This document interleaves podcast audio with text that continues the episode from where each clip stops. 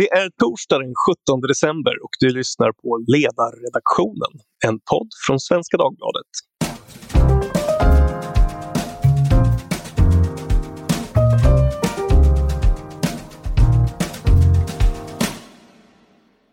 Jag heter Henrik Sundbom och idag ska vi prata om informationspåverkan och handel.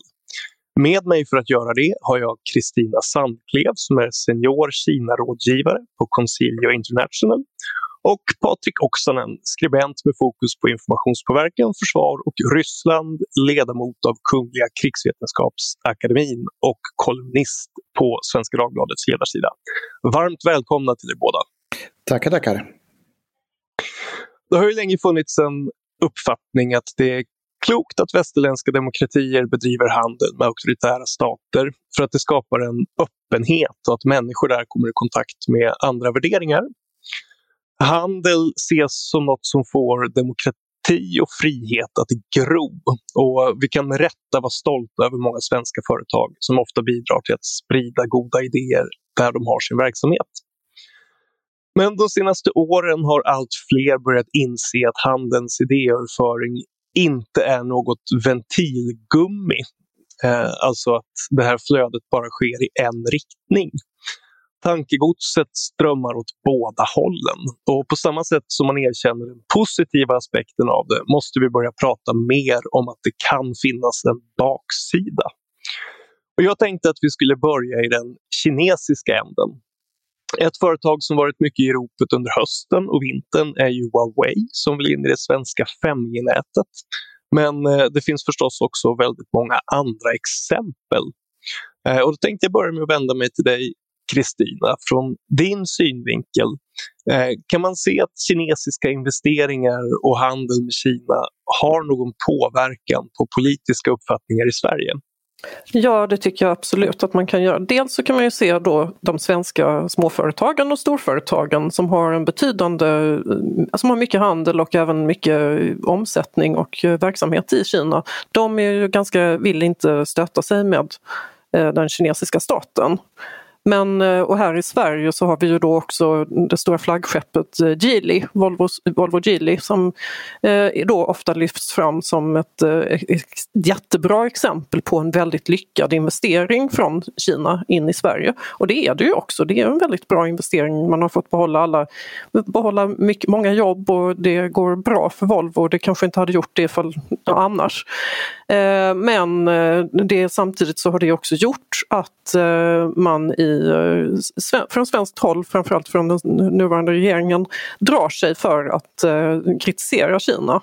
Till exempel så eh, när vi hade den stora Cloudhopper-attacken som eh, påstås som var 2017 eh, som påstås då ha gjort att svenska företag förlorade industrihemligheter för åtskilliga miljarder, upp mot 20-30 miljarder, så var det ingen från svensk sida från regeringen som ville kritisera. Och vad jag har förstått så var det på grund av att man, ville, man tänkte på jobben i Västsverige. Eh, och, och det finns många andra exempel. Men det, generellt så upplever jag att det svenska näringslivet är inte särskilt Kina-kritiskt utan man är väldigt, eh, man eh, gillar att tjäna pengar där helt enkelt. Och, och så. Och det, det, jag tycker att det som Kristina beskriver är intressant på det sättet att eh, det, det, vi har sett i agerandet från regeringen eh, det är ju att när det har handlat om yttrandefrihetsfrågor eh, och Gui Minhai och den typen av frågor, då har man dragit linjen i sanden. Där, där, där passerar Kina en gräns, där gör man motstånd. Men i de här andra frågorna eller andra, eller att lyfta frågor som, som handlar om Kina-kritik, Eh, till exempel med, med hanteringen av coronapandemin och varför Kina la locket på eh, om pandemins början Eh, och inte informerade världssamfundet om, om den epidemi man hade i, i provinsen. Eh, där har vi ju sett en, en, en, tystnad. Så att vi ser ju att den svenska regeringen eh, agerar eh, försiktigt men har bestämt sig att det finns några röda linjer och då, då markerar man och tar strid jag kan ju tycka då att när det gäller, precis jag håller helt med dig, eh, att, eh, och framförallt så tror jag också att på ett plan så kanske då Gui Minhai-frågan eh, med yttrandefrihet och så vidare, den är lite säkrare för att egentligen, visst den, är, den påverkar egentligen, ifall man ska vara rent krass, så påverkar inte den egentligen det svenska näringslivet eh, alls mycket. Men ifall man då skulle börja ta och lyfta de här industrispionageproblematiken som vi har haft Eh, och har så skulle det kanske påverka näringslivets eh, möjligheter att eh, agera i Kina mycket, mycket mer.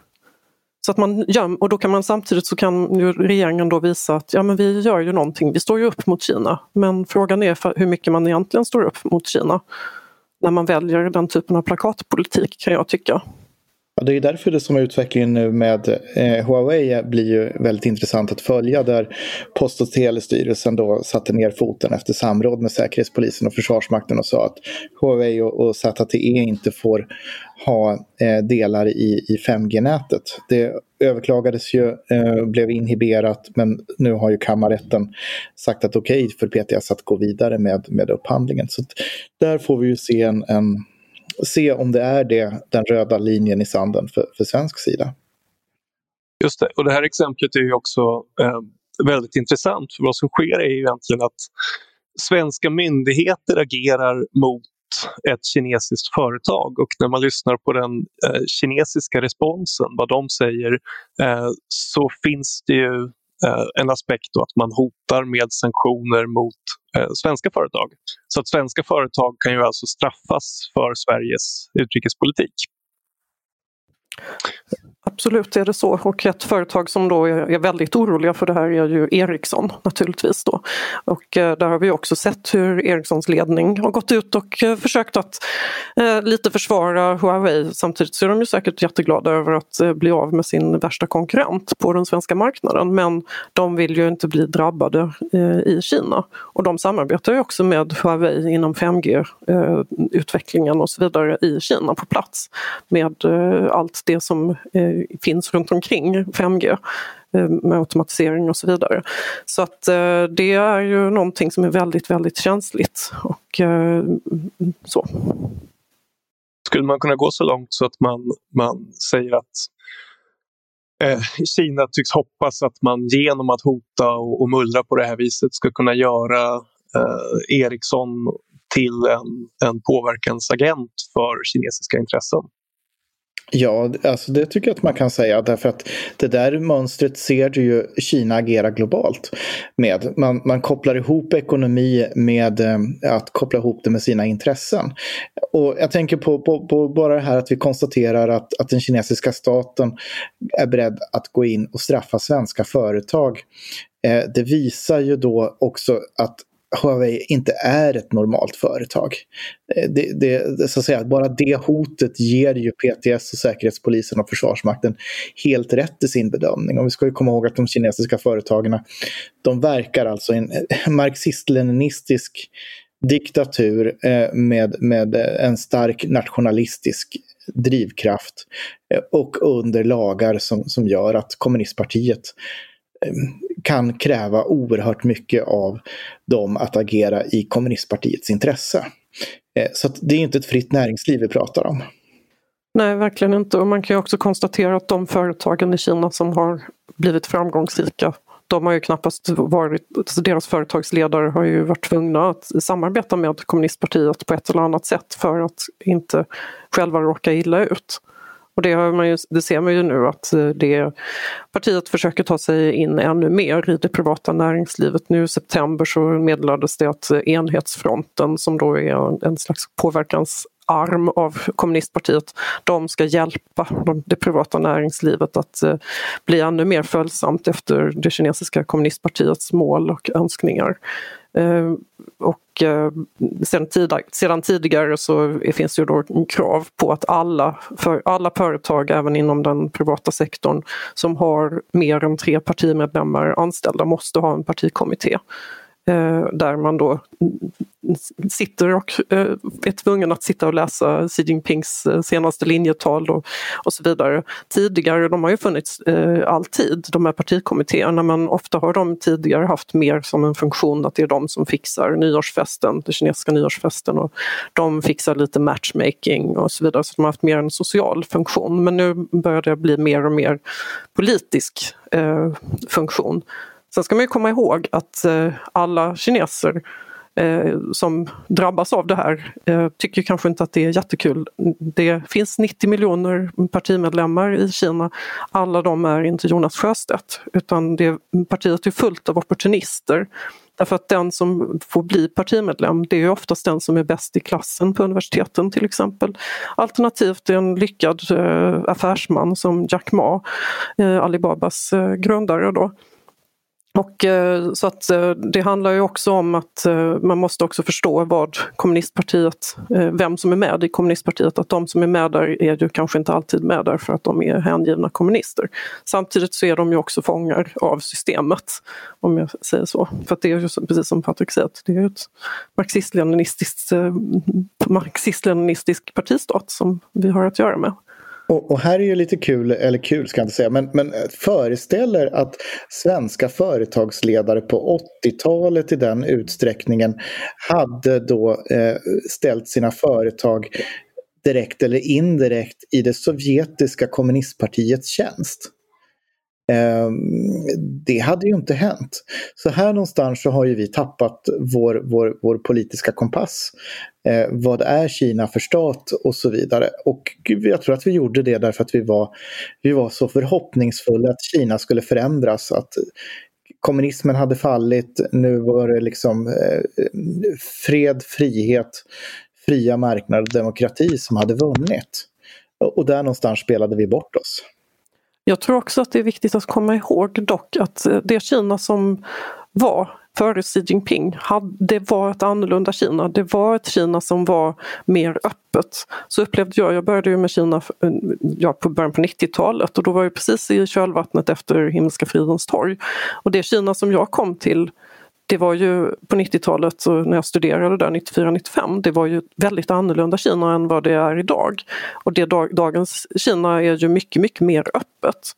Och eh, trots att det ändå är eh, så pass, eh, nu håller det på att bli mer stängt, men eh, under en period på slutet av 90-talet och början på 00-talet så var Kina, då gick det liksom åt rätt håll. Så det är inte så att man bara suttit och tyckt att ah, nu ska de nog bli eh, en demokrati precis som vi och de ska anamma liberala saker, liberala tankegångar och, och, och frihandel och marknadsekonomi och så vidare. De, de gick åt det hållet faktiskt men nu så håller man på och går åt ett annat håll och man går tillbaka till det gamla kommunistiska på ett annat sätt som kanske inte, eh, som i och för sig låg där hela tiden men som inte var riktigt lika synligt tidigare. Tack för att du fördjupade den bilden, eh, Kristina. Eh, jag, jag, flikar in här bara och konstaterar att, att jag tror också att den delen som du nu beskriver är viktig att ha med sig att förstå varför det tar tid för oss att ändra förståelse av det som har skett i Kina under Xi Jinping. För att någonstans så vill vi ju inte att det ska gå den här vägen. och det här är ju en, det är ju en, en optimistisk förhoppning som fanns om Kina och som tidigare fanns ju faktiskt även om Ryssland. Att eh, man hade drömmen om att Ryssland skulle kunna bli en, ett eh, normalt europeiskt land och var väldigt mån om att man skulle ha goda kontakter på alla sätt med Ryssland. Och sen utvecklades det i en, i en annan riktning. Eh, men jag tänkte vi skulle backa lite grann för att du började prata om Enhetsfronten, Kristina, som jag tycker är en oerhört spännande organisation. Eh, kan man se att Enhetsfronten har någon verksamhet i Sverige att tala om? Ja, det har de ju absolut. Eh, sen är väl en del av, alltså dels så har det, det finns ju olika kinesiska organisationer eh, i eh, Sverige som till exempel Sveriges kinesiska riksförbund som är då en del av enhetsfronten och som samarbetar nära med eh, ambassaden till exempel. Och det finns också eh, China Association of eh, Students and Scholars, alltså för akademiker och studenter finns det olika kinesiska föreningar på, ute på universiteten som också är kopplade till enhetsfronten och, så det finns ju absolut, men samtidigt så är det ju så att eh, enhetsfronten i form av då till exempel det Sveriges kinesiska riksförbund eh, de är ju kanske inte någonting som påverkar oss svenskar så väldigt mycket och inte de här kinesiska studentföreningarna heller. Men de gör det på ett mer subtilt sätt skulle jag vilja säga. Att det finns eh, liksom, ja det fin man, de försöker ju frammåla en bild av ett trevligt Kina med eh, mycket Ja, med bra eh, investeringsmöjligheter och en framtid och så vidare som ser spännande ut där. Eh, men, så att, men, men jag skulle säga kanske att enhetsfrontens arbete är också, alltså den är inte, det är inte så att man alltid kan ta på det.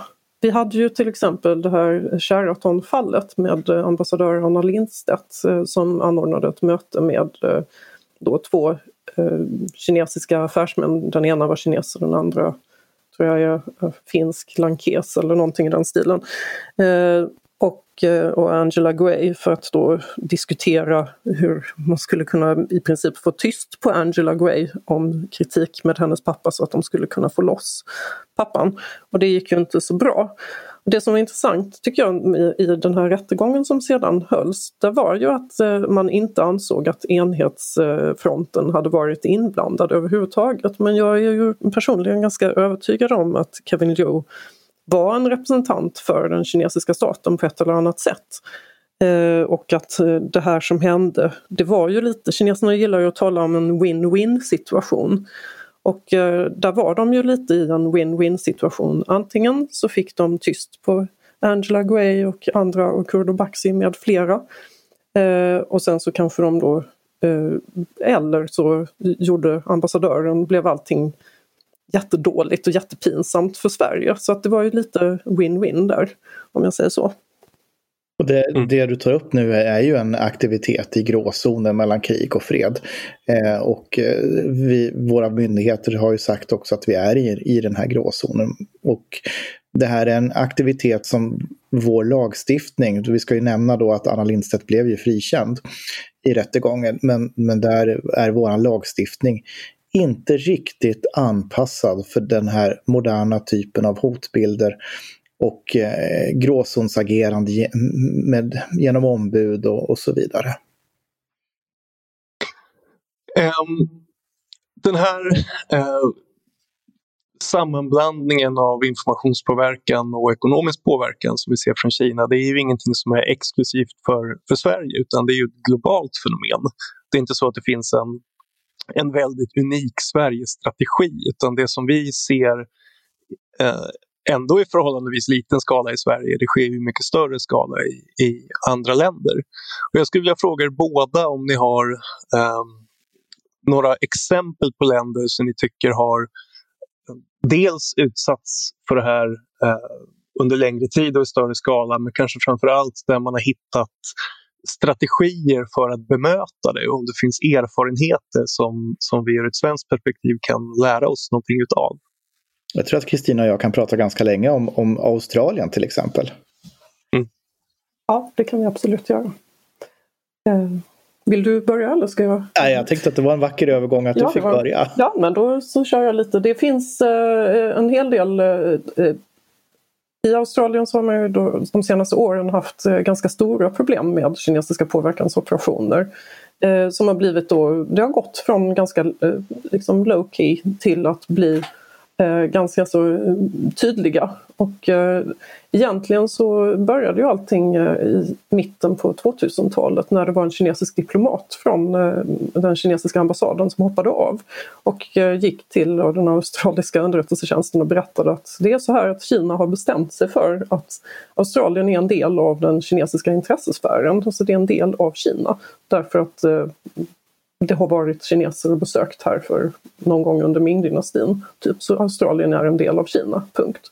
Och då ska man komma ihåg att Australien har, de har ju då ett system där det, som innebär att eh, man kan invandra dit ifall man gör stora investeringar. Och då är det många kineser som har, rika kineser som har köpt sig medborgarskap i princip eh, och invandrat på det sättet. Eh, man hade också 89 så blev alla kinesiska studenter som befann sig i Australien fick då permanent uppehållstillstånd.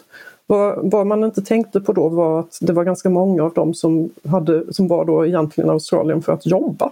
Så det var i princip eh, arbetskraftsinvandrare, så det var inte oppositionella kineser. Så, då, så de har ju fått in mm, mm, väldigt många kineser som är då lojala mot partiet. Och dessutom så är ungefär 30 procent av alla betalande studenter i Australien på högre utbildningar är kinesiska medborgare. Och det här har ju då lett till att när australiska universitet har haft undervisningar, undervisning som till exempel har visat upp en karta där på vissa delar av Kina inte är utmärkta. Till exempel så är Taiwan har då framställts som ett, ett eget land och det är det ju absolut inte utan det är ju en del av Kina, det är en provins av Kina. Och även eh, den här delen av Arunach Pradesh i nord, nord östra Kina, eh, Indien som då kallas för södra Tibet. Eh, och som då, så det finns lite olika kartor. Så sådana saker har man då reagerat på från kinesiskt håll. Eh, kinesiska studenter har då protesterat mot undervisning. Och sen hade vi en eh, australisk eh, parlamentsledamot som visade sig stå väldigt nära en kinesisk affärsman som hade sponsrat hans eh, kampanjer och eh, där försökte de få, han då få igenom att Australien inte skulle uttala, uttala sig kritiskt om eh, Kinas maktanspråk i Sydkinesiska havet. Och eh, för några år sedan så kom det ut en bok eh, som heter Silent Invasion som handlar om just det här. Eh, skriven av Clive Hamilton och eh, den eh, blev så pass kontroversiell så att eh, hans första bokförlag ville inte, vågade till slut inte publicera den. Och, men det var någon annan som publicerade den tillsammans, till, till, då, till slut.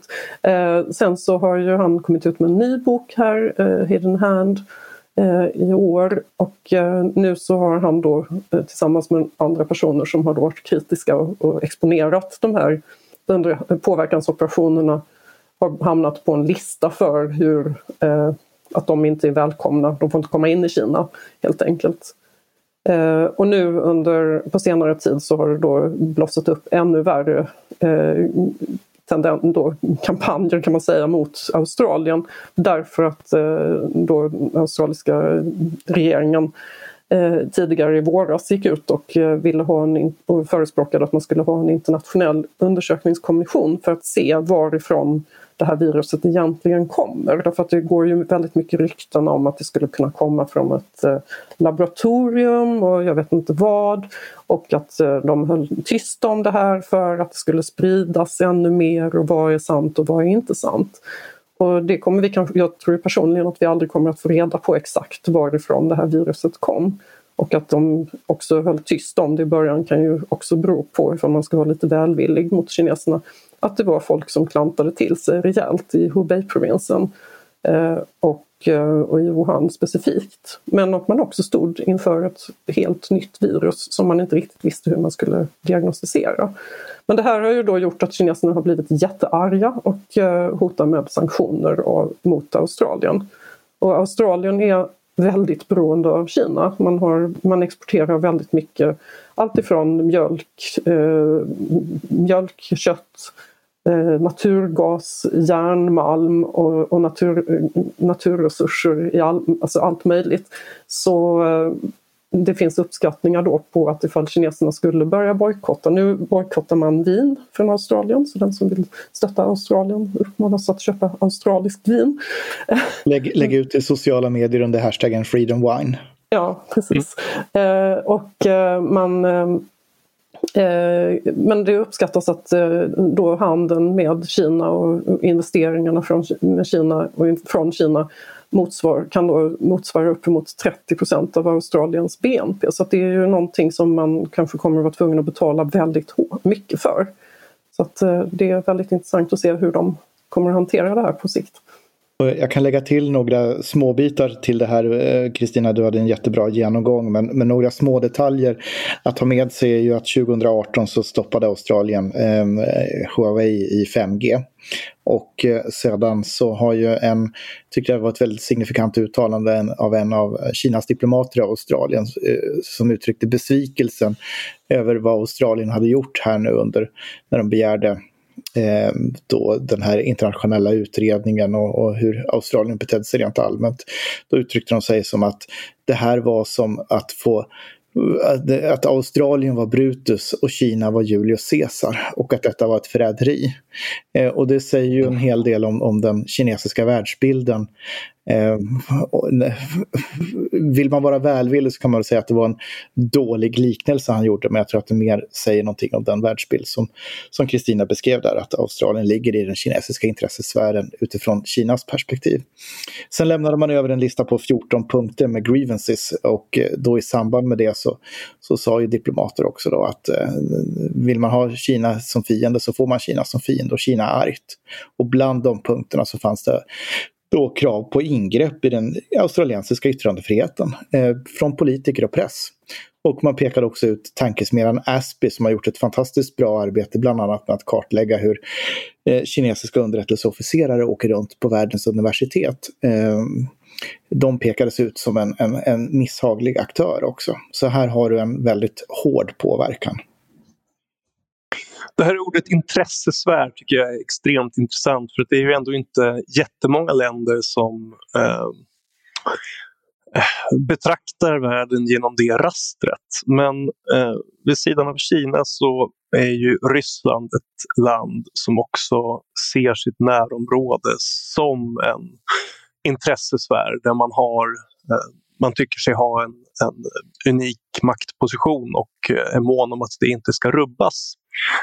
Och om man jämför rysk informationspåverkan med kinesisk eh, så kan man väl säga att den, eh, om den kinesiska eh, generellt sett har väldigt mycket fokus på handel och investeringar så är det ryska oftare mer inriktat på renodlad informationspåverkan. Men även där finns ju eh, ambitionen och viljan att använda sig av handelsrelationer för att förändra opinionen och för att förändra eh, olika länders relation till, till regimen i Kreml.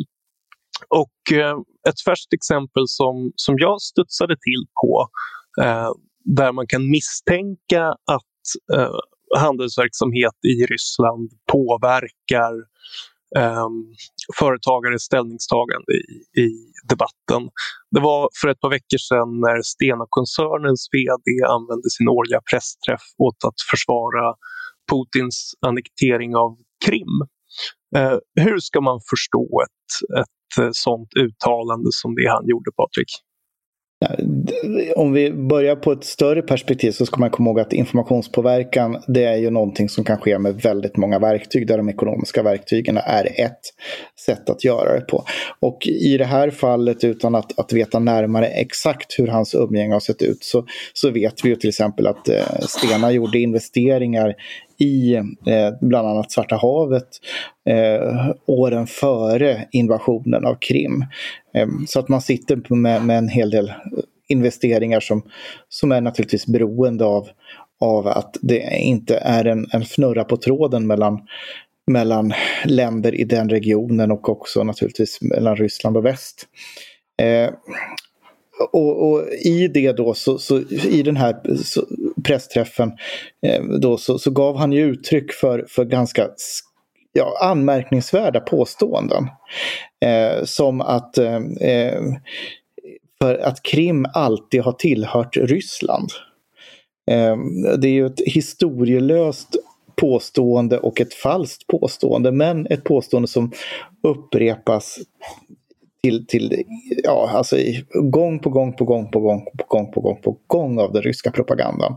Så det är uppenbarligen att det här har nötts in i, i, i Dan Olssons eh, medvetande. Och han tog också upp en annan sak som är en annan sån här rysk mytbildning Eh, och det är då att NATO skulle ha gett Sovjetunionen garantier om att man inte skulle expandera österut. Eh, det hände aldrig. Eh, det fanns en diskussion i samband om Tyskland när Sovjetunionen drog sig bort från Östtyskland att NATO-trupper inte skulle följa efter in på östtyskt territorium i hack i häl. Eh, och, och sen har ju också då NATO respekterat det här och inte etablerat militärbaser i östra delen av Tyskland. Men eh, att självständiga stater Eh, inte skulle få välja sin egen säkerhetspolitiska lösning, det har ju, något sånt löfte har aldrig getts. Eh, det går dessutom emot NATOs artikel 10, the Open Door Policy. Och det går också emot då den europeiska säkerhetsordningen. Och till och med Mikhail Gorbatjov har ju dementerat det här i intervjuer. Att det här var aldrig en diskussion. Ändå så för då Dan Sten Olsson fram det här.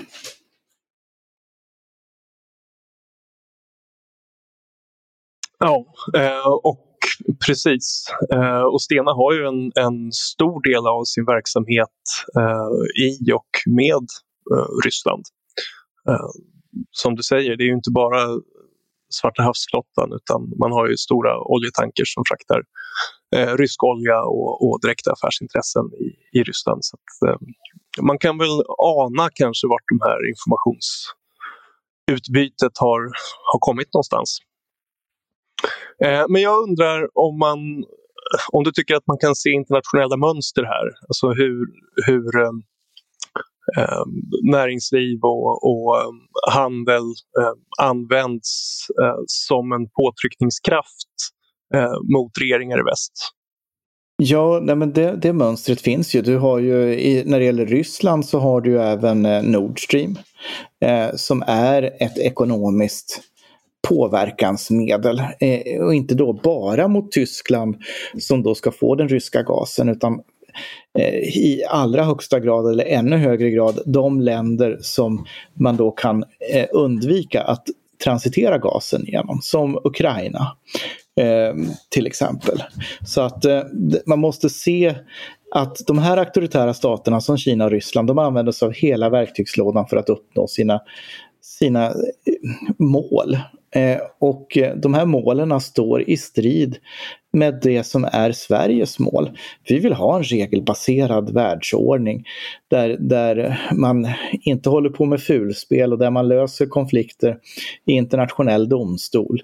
Eh, man krigar inte och man fulspelar inte och man bygger inte konstgjorda öar i Sydkinesiska sjön och man annekterar inte andra länders territorium som är Krim.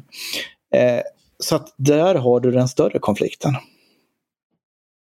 Just det, och det, kommer, det leder oss faktiskt lite in på vad jag hade tänkt att vi skulle fortsätta med. Därför att från, från svensk sida är vi väldigt måna om att framhålla våra svenska företag utomlands och hur de är en del av, av svensk soft power eller nation branding och hur eh, näringslivet bidrar både till att sprida idéer som vi i Sverige uppfattar som goda och till att bygga varumärket Sverige.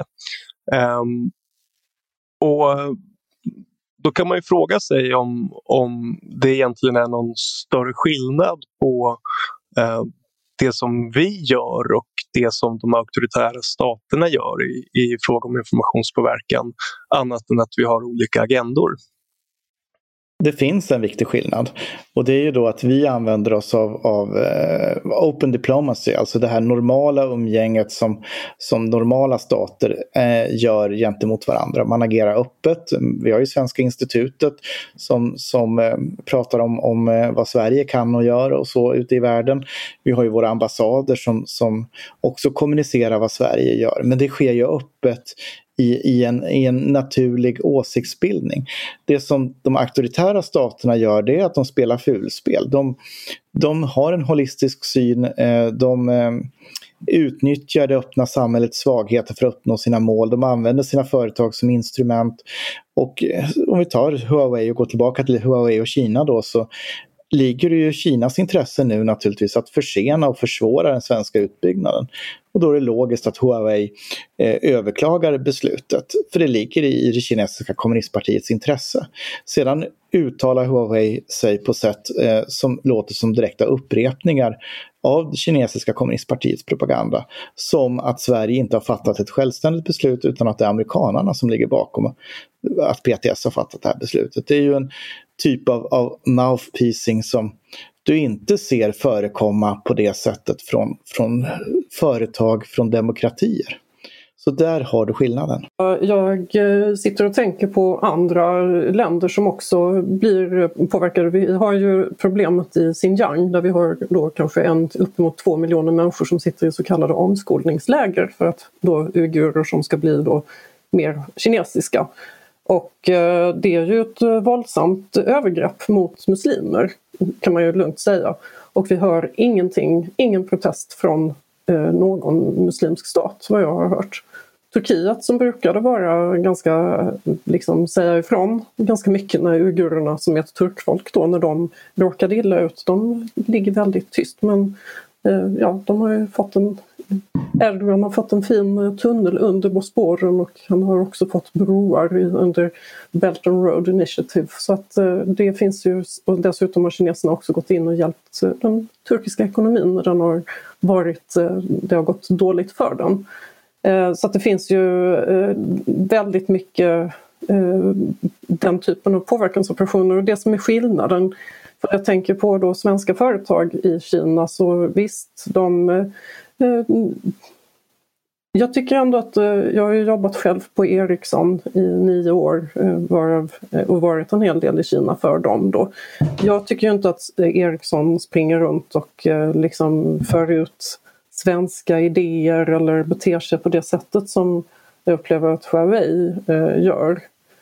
Utan där är det mer liksom strictly business, att man, det, det är affärer som man gör och sen så är min uppfattning att många svenska företag eh, Eh, man försöker ju att eh, upprätthålla samma standard i Kina som man har hemma. Så att ifall vi i Sverige har mm, vissa miljökrav då har ju de samma miljökrav på de kinesiska företag, eller i sina kinesiska verksamheter eh, vad gäller utsläpp och så vidare. Och, fast de egentligen inte hade behövt ha det. Så att man försöker ju ändå föregå med gott exempel. Och många svenska företag i Kina så har man ju problem med till exempel att folk gärna hoppar mellan arbeten.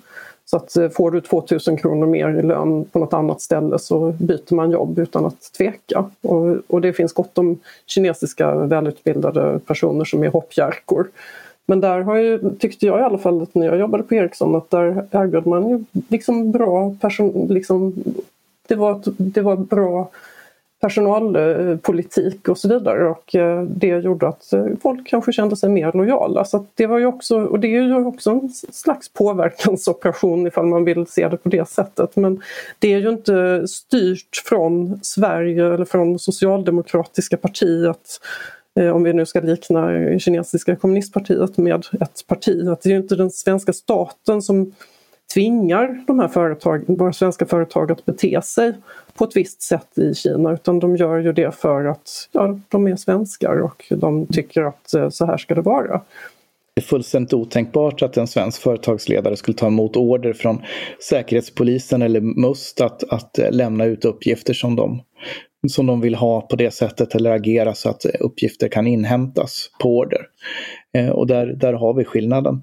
Eh, jag skulle ju då kort beskriva det kinesiska men även eh, den så att säga auktoritära staters idéer i den ekonomiska påverkan som egentligen väldigt kort summerat som ta pengarna, håll käften. och det, det, ser vi också där till exempel med de ryska oligarkerna, pengatvättshistorier, banker och så vidare. Eh, man kallar ju London lite skämtsamt för Londongrad i, i finanskretsar. Eh, så att där i finns likheterna. Och det är ju någonting som kineserna när de har varit ute och investerat utomlands eh, i då länder som, andra, som vi i västvärlden har då inte velat investera i som till exempel Sudan och så vidare. Då har ju kineserna alltid eh, sagt att ja, ja men vi bryr oss inte om politik för att vi har nämligen, vi styrs av icke inbland, idén om icke-inblandningspolitik.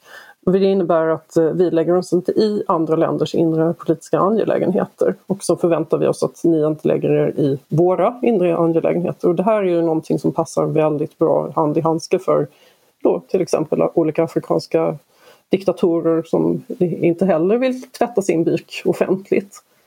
Eh, Just det, och det här gör ju också Kina, det, det bygger ju på så att den kinesiska modellen som ett attraktivt eh, alternativ som, mm. som statsskick eh, för länder som, som ännu inte blivit demokratiska, om man ska uttrycka sig förhoppningsfullt eh, på något vis. Det börjar bli dags att eh, runda av det här samtalet och eh, som avslutning så skulle jag vilja fråga er båda hur ni tycker att svenska företagare bör tänka och agera för att inte riskera att bli spelbrickor i andra staters utrikespolitik eller nyttiga idioter om man får uttrycka sig lite bryskt. Och jag tänkte börja med att skicka frågan till Kristina. Ja, tack för denna fråga som jag tycker är väldigt viktig. Eh, jag tycker att eh, som svenskt företag så tror jag att det är väldigt, väldigt viktigt att man håller koll på vad det är som händer i Kina. Man måste bli duktig på eh, vad är det för kinesiska politiska krafter som är igång och vad är det som, var finns fällorna helt enkelt för att då råka bli en nyttig idiot. Och eh, det det själv, säger sig självt att det är ganska svårt att som VD till exempel eh, vara, vara så påläst. Men det finns ju alltid möjlighet att anlita extern hjälp eller eh, ha egna, egen personal som faktiskt också är påläst. Och jag tror att det också är viktigt att komma ihåg att då ska man kanske inte förlita sig på Eh, person, sin business intelligence-avdelning i Kina, på plats i Kina, därför att det kan vara svårt för dem att dels säga vad som... Eh, de har kanske också politiska begränsningar för vad de får säga och så vidare. Och det kan också vara svårt för dem att eh, göra den analysen som kanske bör ske ur ett mer säkerhetspolitiskt perspektiv. Eh, stort tack för det Kristina. Viktigt alltså att vi bygger eh, inhemsk kompetens om den, de politiska och ekonomiska förutsättningarna i de här länderna och inte, fokus, eh, inte förlitar oss allt för mycket på de resurser som finns i till exempel Kina. Eh, Patrik Oksanen, har du någonting som du vill tillägga här? Något medskick till företagare och företagsledare som kan tänkas lyssna på det här poddavsnittet? Jag skulle säga att ha ögonen på bollen. Och vad menar jag med det? Jo, men faktiskt tänka till och tänka efter och inse att det är fria samhällen och ett fritt näringsliv eh, som, som bygger välstånd eh, i både Sverige, för det egna företaget eh, och för världen i det långa loppet. Eh, då tror jag att det är lättare att inte bli tjusad och gå in i lockelser som, som kan erbjudas från auktoritära stater som, som pengar, eh, makt, eh, träffa höga potentäter och så vidare. Och så vidare. Eh, och det tror jag liksom att hålla den, den kyliga blicken och förstå också vad är, vad är viktigt och skyddsvärt för den egna organisationen och, och eh, det egna samhället. Eh, det är väl det medskick jag vill ha. Och sen förstår jag också att många företag är nu i en svår situation och att eh, en del av de företagsledare som, som hamnar i de här situationerna kommer att behöva visa upp eh, ja, lite grann världsklass i, i diplomatisk förmåga att manövrera sig i den här världen som har förändrat sig jämfört med vad den var för tio år sedan. Och med det tackar vi för oss. Ni har lyssnat på Ledarredaktionen, en podd från Svenska Dagbladet. Vi har idag pratat om internationell handel och hur man kan tänka kring den idéöverföring som kan ske när man handlar med auktoritära stater som Kina och Ryssland. Med mig för att göra det har jag haft Kristina Sandklev och Patrik Oksanen. Stort tack för att ni ville vara med. Eh, och producent för dagens avsnitt är Jesper Sandström. Mitt namn är Henrik Sundbom och har ni synpunkter på dagens diskussion är ni välkomna att höra av er till ledarsidan svd.se. Och till sist ett stort tack till dig som lyssnat.